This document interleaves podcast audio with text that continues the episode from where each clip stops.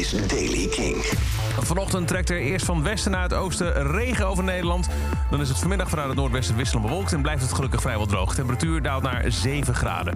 Nieuws over Slash en Bruce Springsteen. Dit is de Daily King van dinsdag 14 maart. Michiel Veenstra. Slash, Guns N' Roses gitarist, heeft een nieuwe productiemaatschappij opgericht om horrorfilms te maken. Productiebedrijf heet The Berserker Gang. Hij zegt er zelf over: Ik ben altijd al een enorme horrorfan geweest. Vooral toen horrorfilms je echt nog de stuipen op het lijf joegen. Ik wil me echt gaan richten op de productiekant van de business, zodat ik films kan proberen te maken die ik zelf graag zou willen zien. En dan Bruce Springsteen en de E Street Band. Hun tour, die nu door Amerika loopt, wordt geplaagd door ziektes. Ze hebben de afgelopen week al drie shows moeten annuleren. Afgelopen zondag in Uncasville, Connecticut. Ook de show van vanavond in Albany is uit het schema gehaald.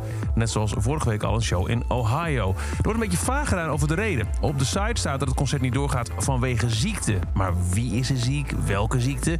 Nou ja, uh, bij de aflasting afgelopen zondag liet Steven Van Zandt aan de fans weten dat het niets serieus was, niets Springsteen heeft geweten, laten weten dat de concerten worden ingehaald en dat fans hun kaartjes moeten bewaren. Er zijn nog 14 concerten te gaan voor de Amerikaanse tour van Springsteen. Dan gaat hij eind april naar Europa. Daarmee staat hij vervolgens op 25 en 27 mei in de Johan Cruijff Arena en op 11 juni in Landgraaf. Als het doorgaat. Maar daar gaan we wel vanuit. Tot zover deze editie van The Daily Kink. Elke dag een paar minuten bij met het laatste muzieknieuws en nieuwe releases. Niks missen? Abonneer je dan in de Kink-app op The Daily Kink. Dan krijg je elke dag bij het verschijnen van een nieuwe aflevering een melding op je telefoon. En voor meer nieuwe muziek en muzieknieuws luister je s'avonds vanaf 7 uur naar Kink voor Kink in Touch.